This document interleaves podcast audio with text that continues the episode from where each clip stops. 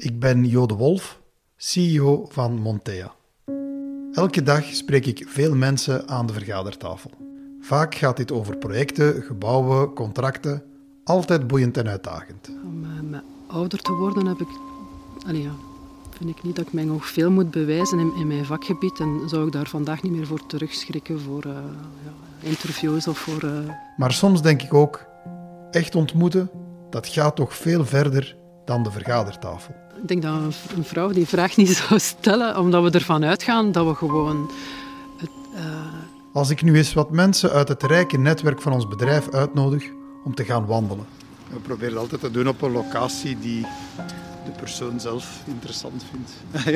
ja, ja, vandaar hier. Of Je hebt die gekozen. Ik kom ook niet graag dat knokken, David. ik ben hier graag. In deze reeks neem ik echt de tijd om even stil te staan. Al zal je merken dat er ook best wat beweging in zit. Gedreven door mijn nieuwsgierigheid wandelde ik met elk van mijn gasten doorheen een stuk van hun verhaal.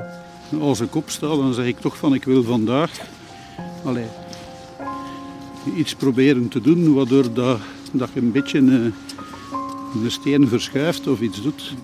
Intussen heb ik al enkele wandelgesprekken achter de rug. Inspirerend, verrijkend en altijd verrassend.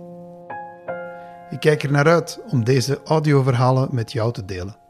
Voorbij de vergadertafel. Tot dan.